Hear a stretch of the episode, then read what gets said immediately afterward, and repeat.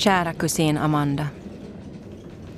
Det här bör du få endast ifall det olyckliga hände att Gunnar och jag skulle dö bort från barnen. Jag ser lugnt i vitögat den möjligheten. Gunnar får antagligen efter doktorns ord igår lunginflammation. Jag sitter just på tåget för att fara ner och vara hos honom. Spanskan är smittosam. Jag kanske mera mottaglig under mina omständigheter. Vi kunde dö båda. I det fallet vill du komma och överta vården om barnen, bli deras fostermor. Jag har så klart för mig att ingen skulle kunna göra det så uppoffrande, så kärleksfullt och ömt med bevarandet av vårt minne som du.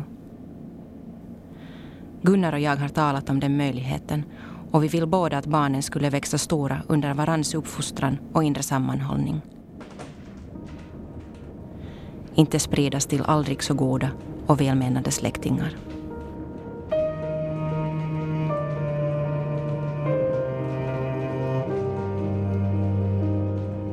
Åren 1918 till 1919 härjade spanska sjukan i hela världen.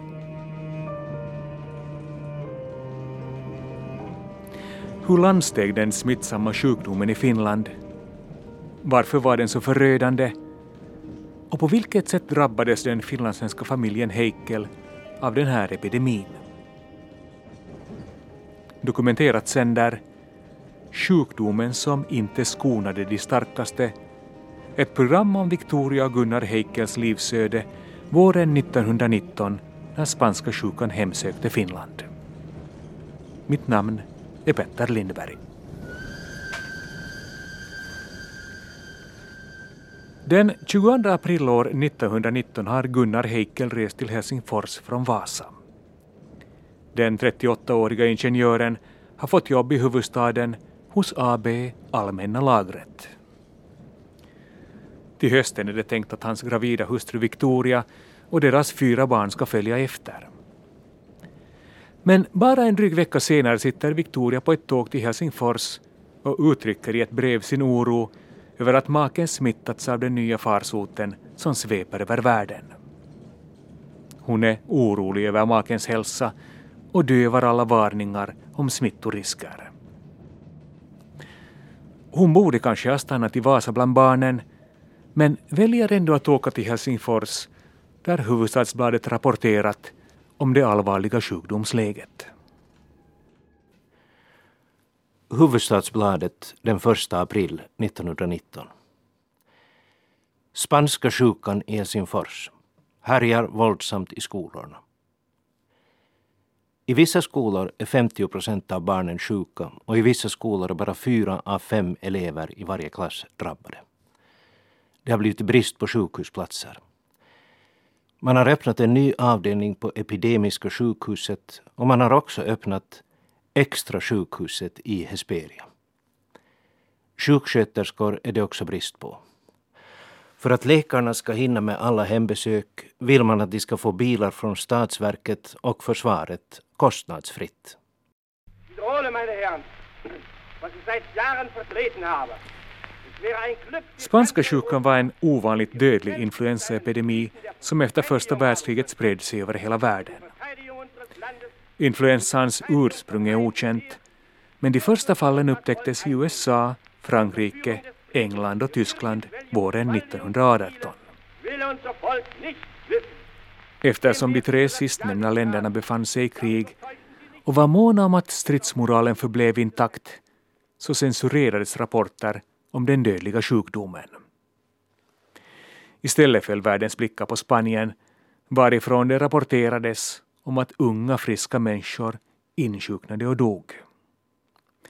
Spanien fick alltså en smula orättvist ge namn åt den nya farsoten som ännu samma vår skulle nå Finland. Saksalainen sotaväki oli sitten oikeastaan se ensimmäinen, joka, joka kirjasi tämän pandemian sen takia, että, että tämmöinen ohjesääntöinen lääkintähuolto – sen toinen päätehtävä oli tautien leviämisen ehkäiseminen ja se tuotti sitten tilastoaineiston. Spanska sjukan kom till Finland med tyska soldater som deltagit på de vitas sida i det finska inbördeskriget.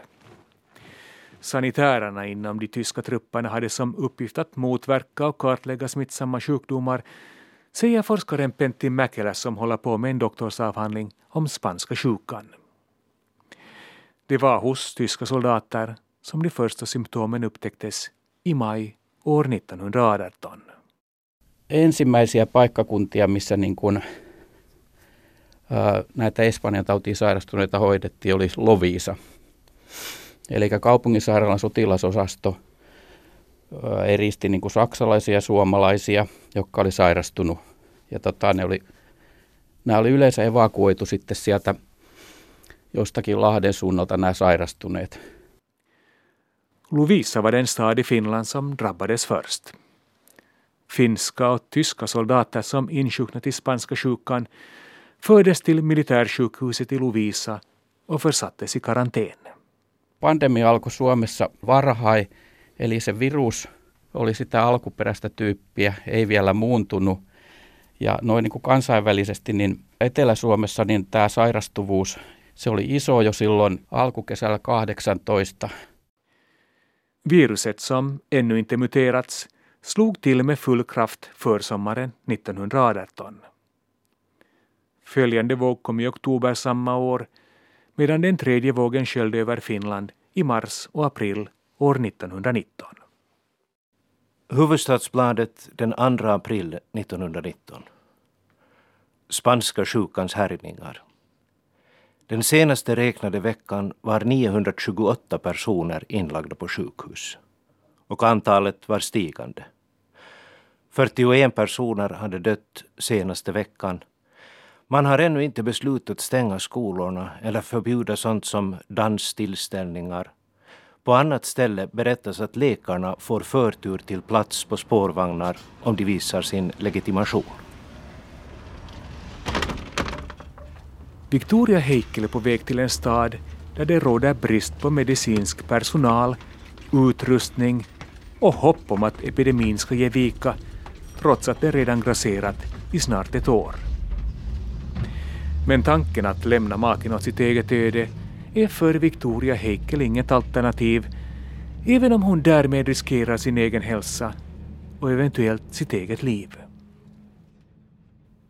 Huvudstadsbladet den 11 april 1919. Spanska sjukan allt mer fruktansvärd. Den är i tilltagande och fler dör än tidigare. Senaste räknade veckan var det 142 mot 52 veckan före. Man har försökt uppskatta hur det ser ut i hela landet. Till vissa trakter har sjukan ännu inte nått som Uleåborg och Brahestad. De flesta sjukdomsfallen har inträffat bland arbetare som har sin arbetsplats i Helsingfors. Nu har myndigheterna förbjudit alla soaréer, danstillställningar och större allmänna möten. Samtidigt menar myndigheterna att man kan se en viss avmattning. Hälsovårdsnämndens ordförande tror att den passerat sin kulmen.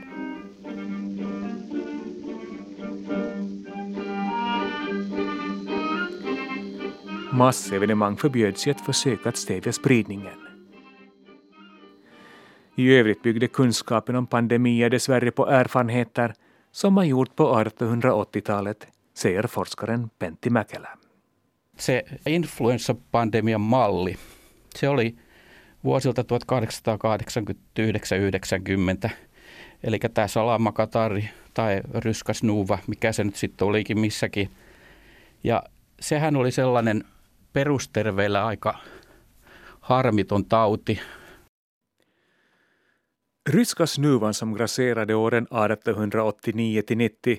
var det man närmast kunde referera till och den farsoten gav endast lindriga symptom hos friska individer. Men 30 år senare är sjukdomsläget betydligt allvarligare. Den 6 maj år 1919 skriver Victoria Heikkes väninna Agda Salin ett brev till författarinnan Ellen Key där hon rapporterar om hur svårt spanska sjukan härjar i Finland.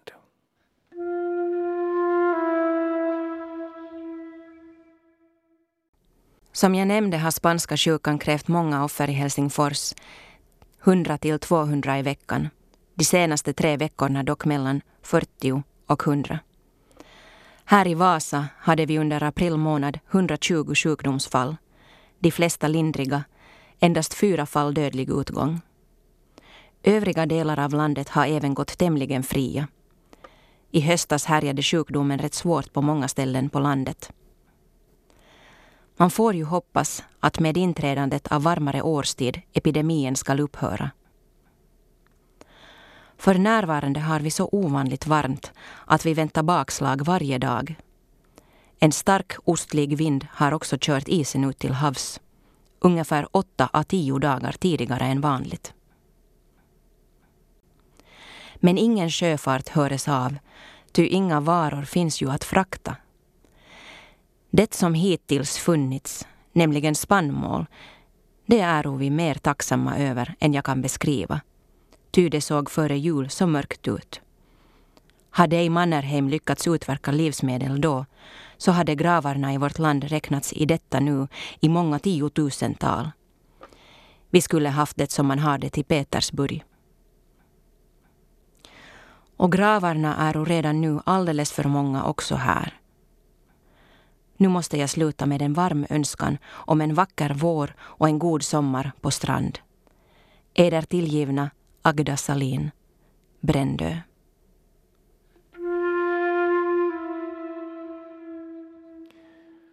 Agda Salin uttrycker ändå en viss hoppfullhet i sitt brev, även om Vasabladet några veckor innan skrivit hur spanska sjukan spritt sig bland anställda på järnvägen. Vasabladet den 17 april 1919. Nyheter för dagen. Enligt ingångna underrättelser har spanska sjukan spritt sig bland järnvägsbetjänter till den grad att det är svårt att erhålla vikarier från deras egen krets. Till exempel vid kustbanan har vikarier tagits ända från Viborg. Bland tjänstemännen härjar även spanska sjukan men för dem är det ännu ej alltför svårt att erhålla vikarier. Vikarier har dock antagits från Österbotten till södra Finland där sjukdomen är mest spridd. Det var ändå södra Finland som drabbades hårdast. Visst var sjukvården bristfällig och kunskapen ibland föråldrad, men enligt Pentti Mäkelä fanns det ändå en viss beredskap att hantera krisen, i synnerhet som man i åratal bedrivit ett framgångsrikt krig mot tyfus och smittkoppor. Suomessa oli niin kuin semmoinen tietynlainen valmius sen takia, että, että lääkintöhallitus pelkäs isorokon leviämistä Suomeen. Ja tämä oli niin kuin sellainen niin kuin yleistä valvontaa lisännyt juttu. Medicinalverket hade lyckats bromsa smittkoppornas framfart, i synnerhet i städer som Viborg. Men när spanska sjukan slog till verkade den även få fotfäste på landsbygden.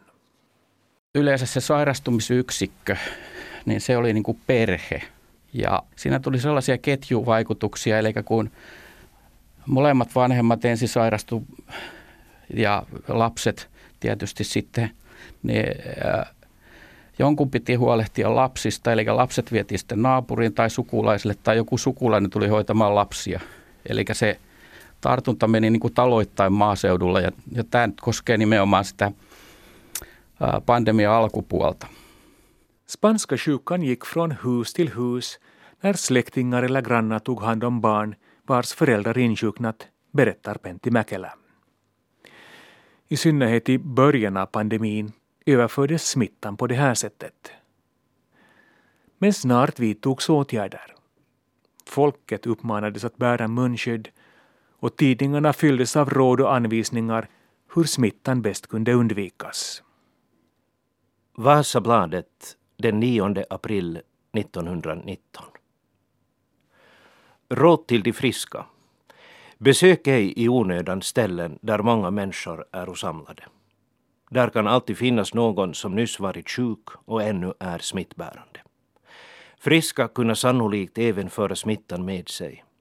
Undvik besök i hem där sjukdomen finnes. Då ni har en sjuk i er omedelbara närhet, var ytterst försiktig. Gå ej utan trängande skäl in till den sjuke. Ligg om möjligt ej i samma rum som en sjuk.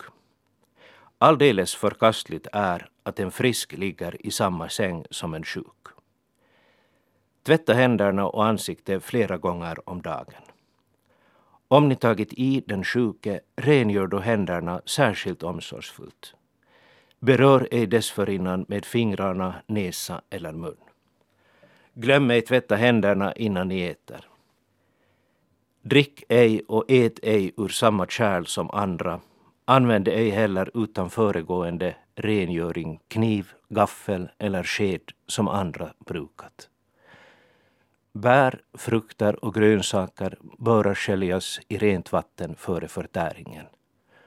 Borsta tänderna efter varje måltid och skölj munnen med ljummet vatten försatt med lite koksalt eller något lämpligt munvatten. Med renlighet, sunt förnuft och begränsningar i rörelsefriheten skulle spanska sjukan bekämpas. Stora sammankomster förbjöds redan våren 1918 när förenings och ungdomslokaler stängdes. Kaupungeissa kyllä yritettiin ja, ja tota maaseudullakin tartuntaa rajoittaa. Nämä tämmöiset niin joukkokokoukset, niin nehän oli kielletty jo keväällä 18 ja sitten seurojen talot ja työväentalot ja muut tällaiset paikat, niin ne oli yleensä suljettu. Vasabladet den 9 april 1919. Hur man motarbetar spanska sjukan, råd och anvisningar. Influensans smittämne är ännu ej med säkerhet känt. Av sjukdomens spridningssätt sluter man sig dock att det förekommer i munnens, näsans och luftrörens slemhinnor samt deras utsöndringar. Saliven, nässlemmet och uppkastningar är alltså att betrakta som smittförande. Likaså även föremål som besurats med dessa utsöndringar. Den insjuknade är att anse som den viktigaste smittkällan och borde alltså strängt isoleras. Då sjukdomen nu är så allmänt utbredd måste de flesta sjuka vårdas i sina hem. En fullständig isolering är det svårt att genomföra men man bör dock om möjligt låta den sjuke ligga i ensamt rum. Isolering är A och O, skrev Vasabladet den 19 april år 1919 och fortsätter. Råd till den sjuke. Sprid ej smitta omkring i rummet genom oförsiktig hostning eller nysning. Med en näsduk för munnen och näsan kan detta lätt undvikas. Spotta ej på golvet utan använd särskilt kärl härför. Då ni börjat tillfriskna, lämna ej sängen för tidigt och återgå ej för snart till arbetet. Farliga följdsjukdomar kunna eljest uppkomma. Dessutom kan ni bidra att föra smittan vidare, ty sjukdomsalstraren försvinner ej alltid samtidigt med sjukdomens upphörande. Håll er därför en tid stilla i ert hem. Pandemia edeltävinä vuosina suomalaiset oli tartuntatautitilanteen puolesta terveempiä kuin koskaan. Kuolleisuus oli alempi kuin koskaan aikaisemmin ja vuoden 18 alku oli sikäli erikoinen, että, että silloin ei ilmennyt semmoista talvikaudelle normaalia ää, influenssa- ja nuhakuumekauden kuolleisuuspiikkiä, vaan se jäi pois. Ja sitten siinä pienellä viiveellä tuli sitten ää, Espanjan tauti. Finländarna hade i flera år skonats från influensaepidemier och invånarna var rätt friska. Men vid spanska sjukans utbrott år 1918 stod man handfallna inför en influensaepidemi som tycktes drabba unga vuxna värst. I normala influensaepidemier var det barn, gamla och personer med försvagat immunförsvar som drabbades hårdast. Men nu mötte man en sjukdom som inte skonade de starkaste. Bland dem fanns också Gunnar Heikel som enligt en dödsannons i Hufvudstadsbladet dog både hastigt och oväntat den 5 maj. Min gode, gränslöst älskade make, doktoringenjör Gunnar Heikel, född i Vasa 30 juni 1880, gick bort ifrån mig den 5 maj 1919 klockan sex på eftermiddagen efter en kort häftig sjukdom och Eira sjukhus i Helsingfors. lämnade mig och fyra små barn i bitter förtvivlan och sorg. Djupt sörjd också av mor, systrar, två bröder, släktingar och vänner. Victoria Heikel. Olekligt är mitt sår. Mitt tält är förstört och mina tältsträck är oavslitna.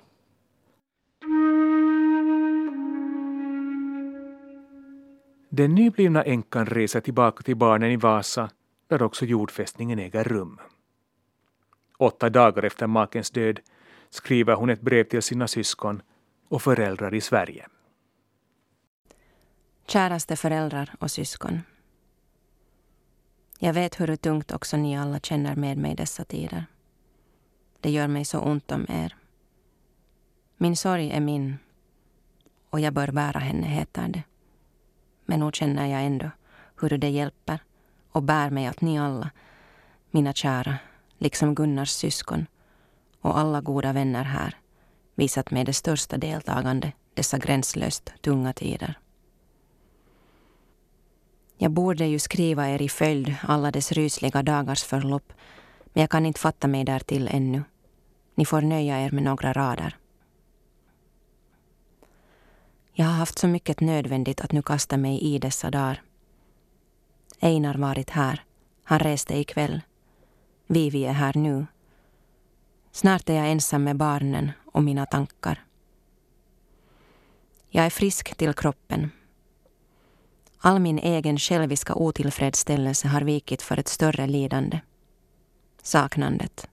Sorgen och alla tunga förebråelser för alla de gånger man brustit mot sitt livs älskade. Men var dock lugna för mig. Jag överlämnar mig inte åt veklig klagan. Jag kan redan nu se framtiden lugnt an.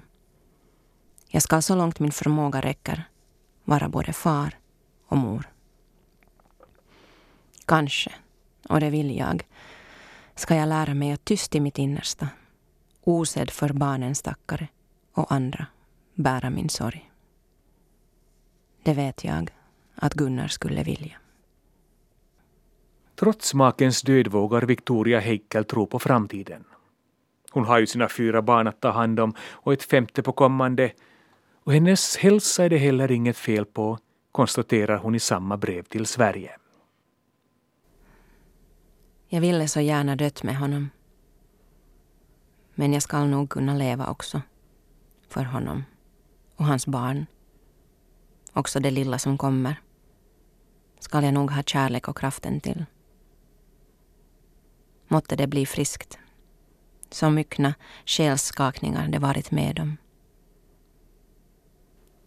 Jag är så lycklig att Gunnar fick dö utan att inse vidden av hela känslan att lämna detta, trots allt, härliga liv så länge vi hade varann och bedrövelsen att lämna oss. Döden var svår. Men läkaren försäkrade att den var medvetslös. Han fick täta morfininsprutningar. Ni ser här vad tidningarna säger. Deras minnesord är rörande goda. Men han är värd vart ord. En härlig människa var han. Mor, det lättar att gråta. Mor finner kanske lättare än jag tröst i Guds ord. Nog kommer jag, vill jag hoppas, igenom de närmaste månaderna utan att mor kommer. Oändligt kärt vore det mig.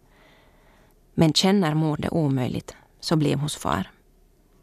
Resan kan vara för tung och ansträngande vid mors ålder.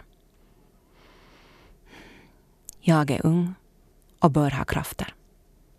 Vivi och Frida hjälper mig och är här dagligen. När jag sen kan skriver jag oftare och då ska vi känna, också genom avståndet, hjälp och tröst av varann.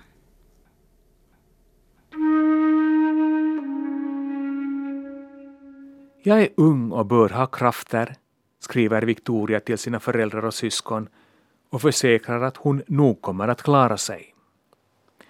Dessutom har det från huvudstaden rapporterats att den tredje och sista influensavågen håller på att avmattas. Huvudstadsbladet den 23 april 1919. Spanska sjukan befinner sig numera avgjort på retur i Helsingfors. Antalet sjukdoms och dödsfall minskas dag för dag varför hopp finnes att epidemin snart ska vara överstånden för den här gången.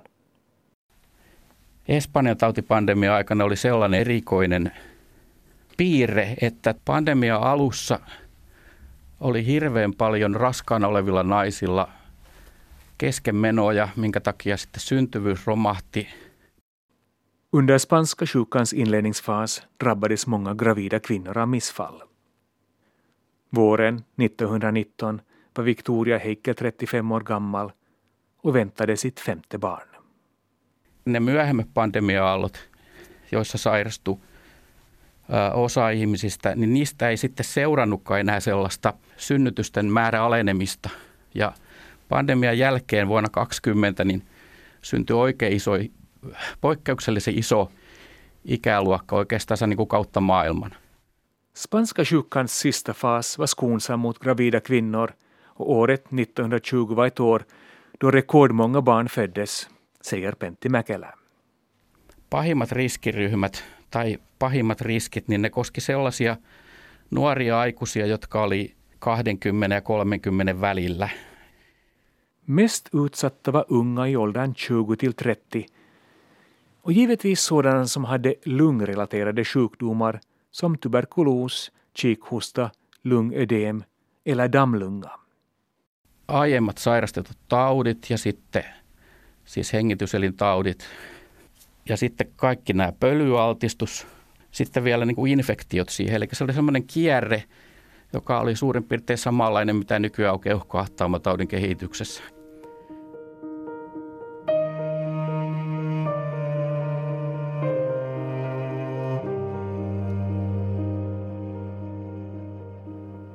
Lungsjukdomar i kombination med infektioner ledde ofta till det som idag diagnostiseras som lungfibros, det vill säga ärrbildning i lungorna och nedsatt syreupptagningsförmåga.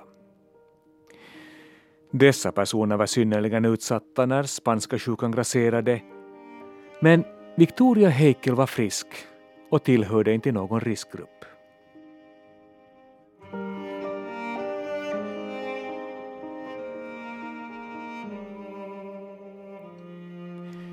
Men kanske sorgen och oaktsamheten ändå bidrog till att även hon skulle smittas. Så här skriver Gunnars syster Vivi Heikel om sin svägerska till väninnan Vera Hjält. Vasa den 28 maj 1919. Kära goda Vera. Victorias sorg över sin älskades bortgång var gränslös. I ett semanes kval måste hon ha lidit. Hon var tröstlös över att hon ej helst några dagar kunde få behålla Gunnars döda kropp hemma utan nögdas foga sig i att han omedelbart från järnvägsstationen måste föras i en mörk källare och begravningsplatsen. Men avsked måste hon ju dock få taga av sin älskade. Trots smittofaran kunde ej doktorn neka henne att än en gång få betrakta sin älskades drag. Men man måste med våld hindra henne att ej kyssa den döde. Outsägligt vacker var Victoria i sin stora sorg. Madonna-lik, såväl kroppsligen som själsligt.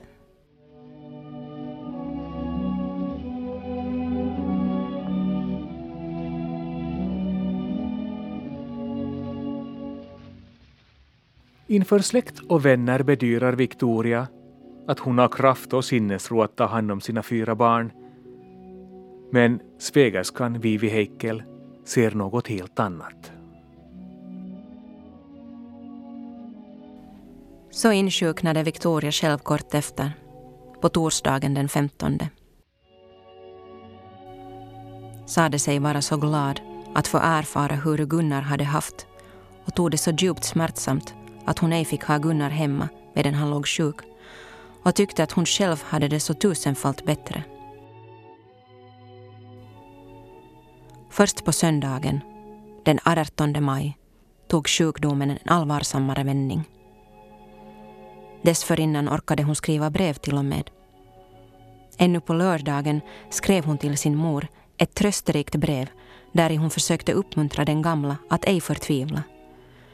Ty hon skulle orka bära sitt kors till livets slut och leva för sin älskades barn.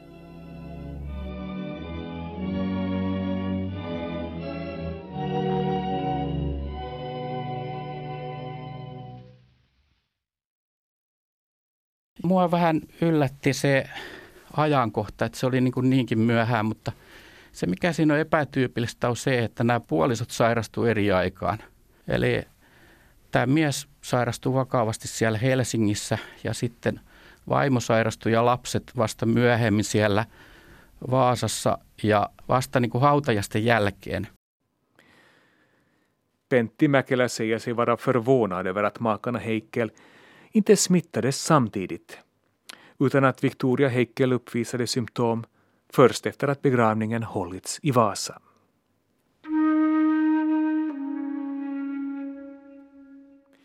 Vivi Heikel som befunnit sig vid sin svägerskas sida beskriver Victorias insjuknande i spanska sjukan så här.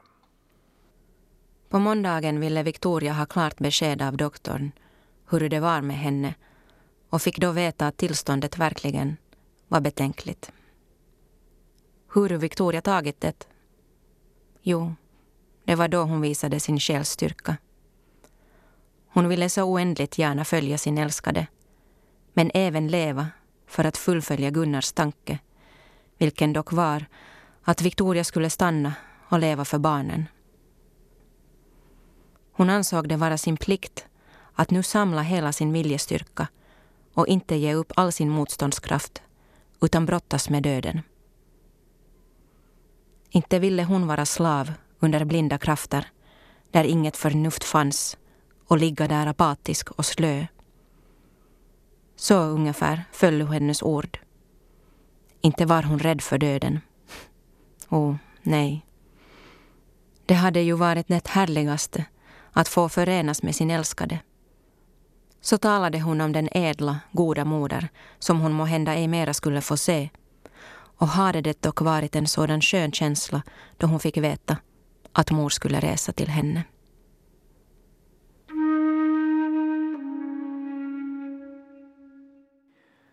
Läkarens utsikter är dåliga, men Victoria är tapper, skriver Vivi Heikel sitt brev och fortsätter.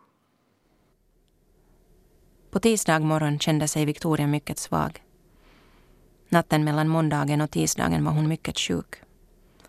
Andningen försvårades och hon fick sådan oro och ångest. Det var nog barnet som till stor del ökade hennes ångest och oro. Ehuru doktorn hade försäkrat Victoria att hon ej trodde att barnet skulle komma nu. Att det ej mer levde hade doktorn sagt henne och bekräftat vad hon även hade varit övertygad om sedan föregående dag. Nu, måndag morgon, var hon själv alldeles säker på att hon ej mer kunde ha långt kvar. På sin höjd par tre dagar. Men ginge det så att hon skulle måste föda barnet levde hon nog ej längre än till aftonen eller högst till följande morgon.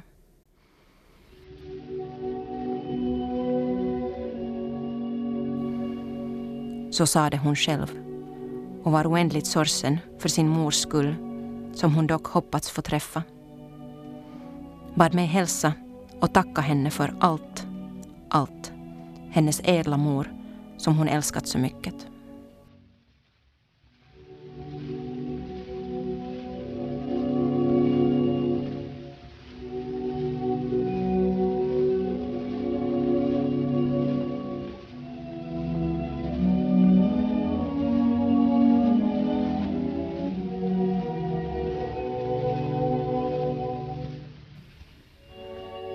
Så lycklig och nöjd Victoria var då hon fick se barnet och tyckte sig kunna skönja att det bar hennes älskades drag.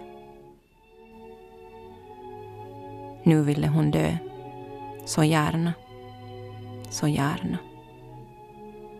Hennes krafter vore nu så nedsatta att hon kunde uttala ett ord endast med långa pauser emellan. Förvånade sig hur det var möjligt att man kunde vara så totalt utan kraft. Ingen oro eller ångest hade hon mera. Fick stimulantia, såväl kamfer som morfin. Men låg ej i dvala länge. Endast några minuter. Då hon trodde sig själv hava sovit flera timmar. Hon kallade oupphörligt på sin älskade. Tack, Gunnar. Tack, älskade. Jag kommer. De voro hennes sista ord.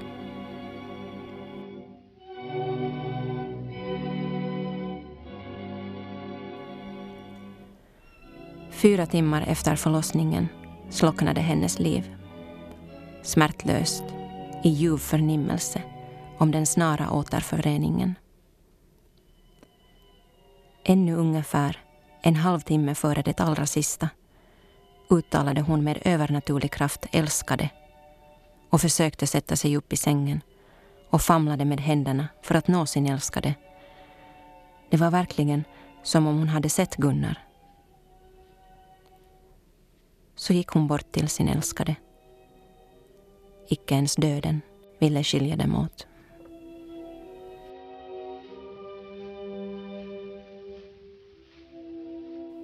Victoria Heikel, född Gullstrand 1884 till 1919. Dog i Vasa tisdagen den 20 maj 1919. Hon liksom sin make av spanska sjukan eller dess sviter. De fyra minderåriga barnen var också sjuka men överlevde.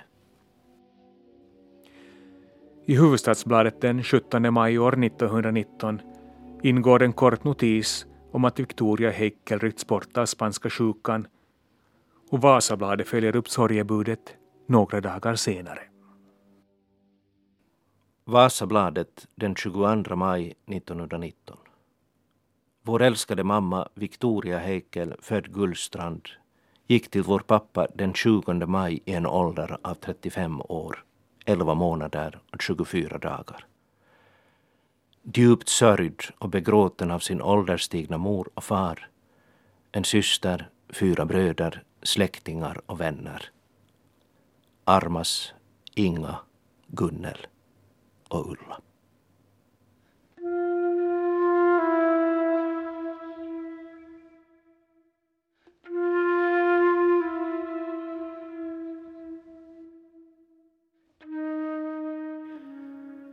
Men livet går vidare även för de fyra föräldralösa barnen, berättar den pensionerade professorn i ekonomisk historia Ulla Vikander. Det är hon som sammanställt breven och de hundra år gamla tidningsurklippen, allt för att förstå sin mormor Victoria Heikel lite bättre. För som hon säger det, spanska sjukan var inte något som man talade om bland släktingarna. Jag visste att de dog i spanska sjukan. Men eh, det talas inte något speciellt om, om just det. Det var bara sorgligt. Det var så sorgligt antagligen att det inte gick att, att tala om. Och min mamma teg. Men jag inser ju hur otroligt mycket det ger samtidigt av stämningar i en speciell stad i en speciell tid och eftersom Vasa under de här åren, det är ju tio år, 1909 till 19, också genomgår så stora förändringar så, så tycker jag att det speglas ganska mycket av det i eh, Victorias brev. Finns det någon lärdom vi kan dra av att läsa eller ta del av, av Victorias och Gunnars berättelse i dessa coronatider? Jag kan bara säga vilken lärdom jag själv har dragit. Och det är väl ungefär den att man ska vara väldigt försiktig, man ska lyda alla rekommendationer. Och även om man själv som Gunnar innan han for till Helsingfors, han kände oro fast. Det var i slutet, sa alla, slutet på den här perioden så ska man aldrig känna sig alltför säker. Alltså det, det är min personliga slutsats av det här. Det är alltid någon, några som dör de allra sista.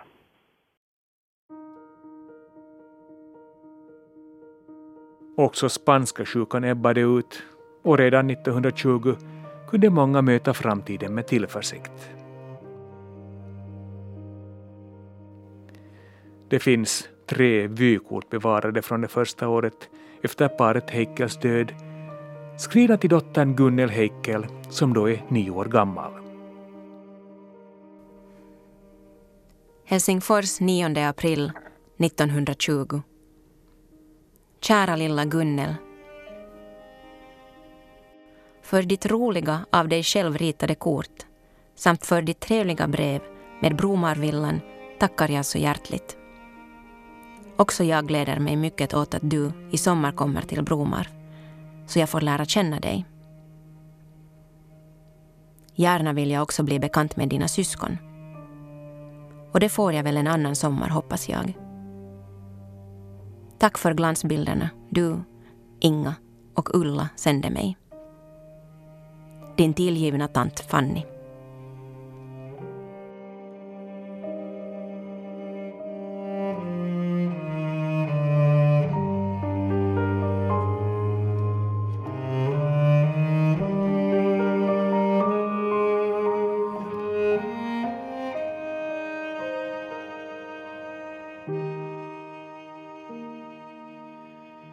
Har hört radiodokumentären Sjukdomen som inte skonade de starkaste. Ett program om Victoria Gunnar Heikkels livsöde våren 1919 när spanska sjukan hemsökte Finland. I programmet medverkade forskaren Pentti Mäkelä och den pensionerade historikern Ulla Vikander. Med uppläsning medverkade Sara Solier och Joakim Vigelius. För klipp och ljuddesignen stod Anne Heikkilä. Producent var Staffan von Martens. Och mitt namn är Petter Lindberg.